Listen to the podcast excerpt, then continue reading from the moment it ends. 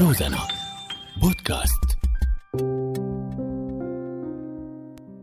نايا وليان اختين بعمر الست سنين والإحدى عشر سنة مصابات بمرض السكري. ومن أكثر الصعوبات اللي عم تواجه والدتهم تأمين الأدوية وهالشي بسبب ارتفاع سعرها وعدم توفرها بالصيدليات ببعض الأحيان بالرقة. أنا أسماء وهي حلقة جديدة من بودكاست شو الحل.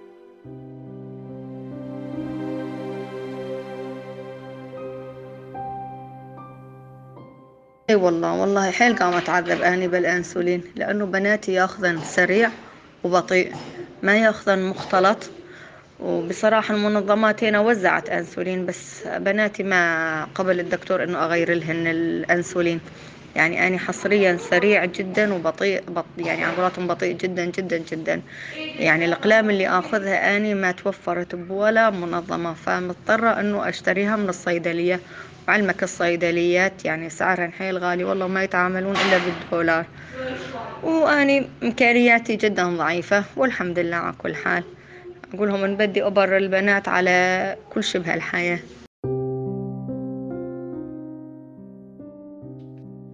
ظروف صعبة عم يمروا فيها أطفال مرضى السكري بمدينة الرقة.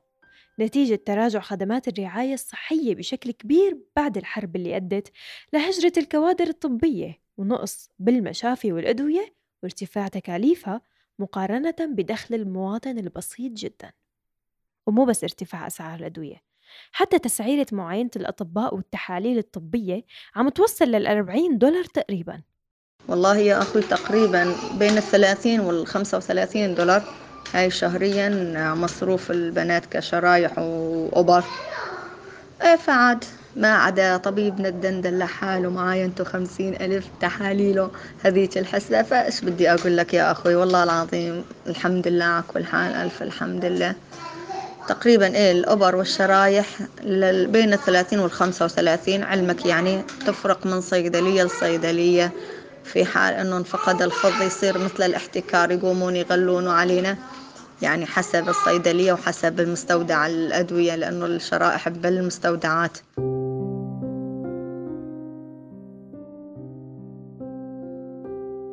راجح 12 سنة.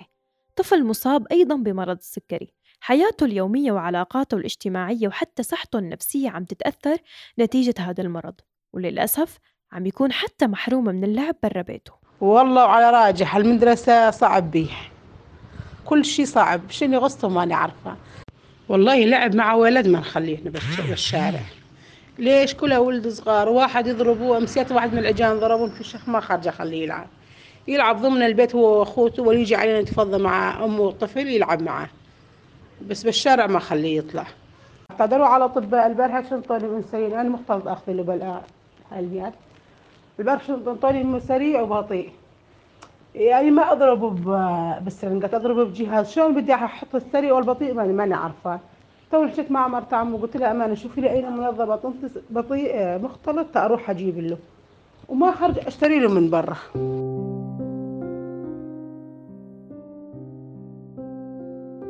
دلال كبرت وصارت بعمر ال 24 سنة وعم تعاني من هالمرض من طفولتها وبتحكي قديش استمرت معاناتها مع بعض المنظمات الموجودة بالمنطقة واللي عم تقدم دعم لأطفال السكري.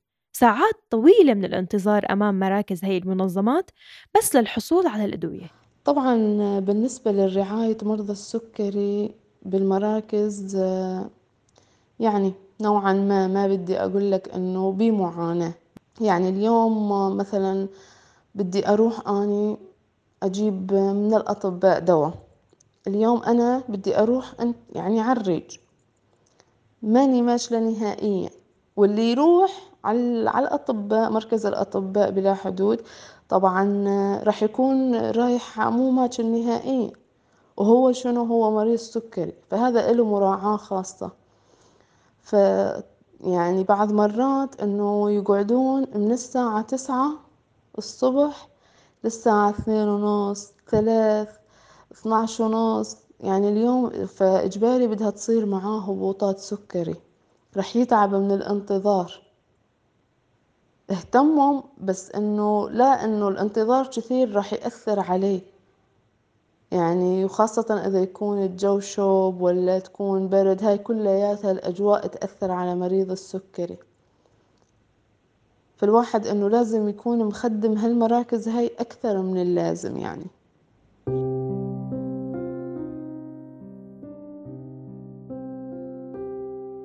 بالرقة. في نادي لأطفال السكري تم افتتاحه بعام 2008 ولكن بعد الحرب تم إغلاق النادي وكان في إهمال تام للأطفال خلال السنوات الماضية. ولكن مؤخرا قامت جمعية ماري للثقافة والفنون والبيئة بترميم النادي وافتتاحه من جديد للتخفيف من معاناة أطفال السكري. أنا جلاء حمزاوي رئيس مجلس إدارة جمعية ماري للثقافة والفنون والبيئة. وإدارة نادي أطفال مرضى السكري بالرقة. طبعا النادي تم افتتاحه آه، منذ آه، تقريبا ثلاثة شهور في هذا العام.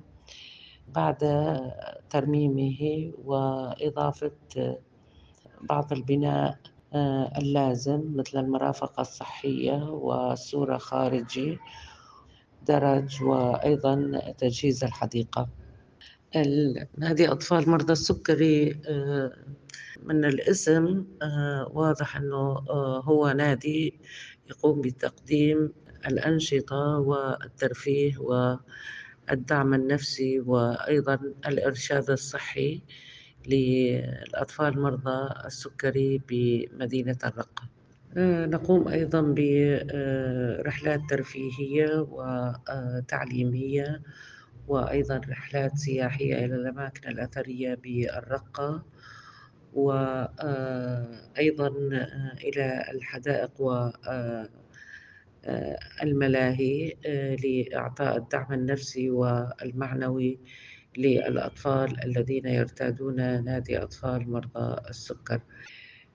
بالنسبة لتاريخ النادي النادي تأسس عام 2008 بجهود مجموعة من آه، الأطباء آه، ذوي الاختصاصات المتعددة مثل أطباء الأطفال والغدد الصم والداخلية وحتى القلبية و آه، بمساهمة أيضا مديرية الصحة بالرقة في ذاك الوقت وتم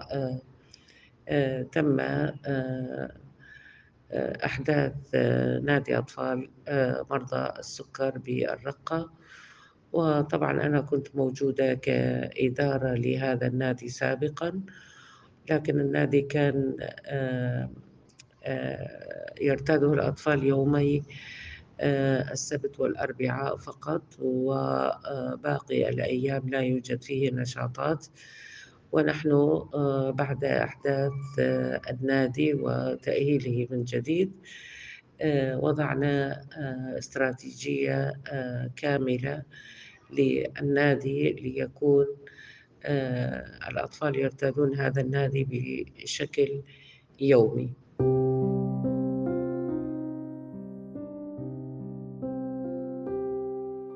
التحدي الأكبر اللي عم يعيشوه هي المنظمات هي مشكلة الدعم من المنظمات الدولية. مثل ما بنعرف تكاليف مرض السكري عالية جدا من مستلزمات الفحص الطبي والإسعافات الأولية لتقديم الفيتامينات والأنسولين وغيرها كتير.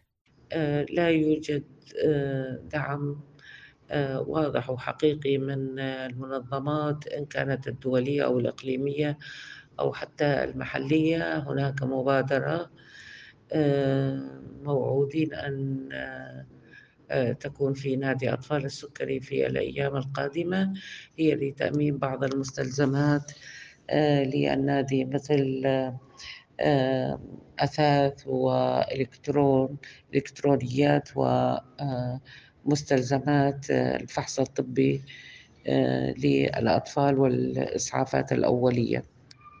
بالنسبة للجهات الرسمية هناك تسهيلات للنادي لأنه يعتبرون هذا النادي هو شيء مهم يخدم الأطفال السكريين ويساعدهم على التأقلم مع هذا المرض وأيضا متابعة حياتهم آه، بشكل طبيعي آه، مثل الأطفال الأسوياء.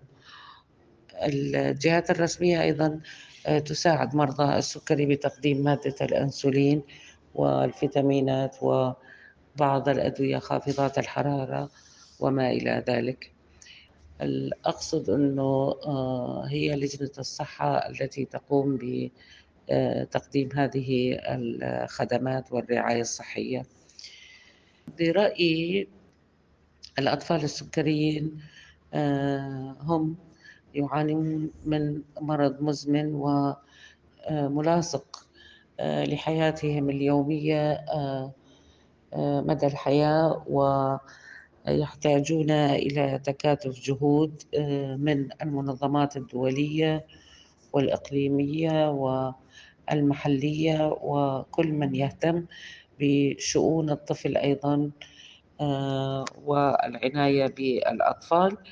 آه، لتوجه آه، باتجاه نادي أطفال السكري لتخفيف من المعاناة لدى الأطفال ودرء مخاطر المرض أو الاختلاطات التي ممكن أن تأتي عن طريق مرض السكري مثل فقدان البصر و آه، قصور الكلية وأيضا أمراض القلب وكثير من الأمراض تأتي عن طريق هذه الاختلاطات.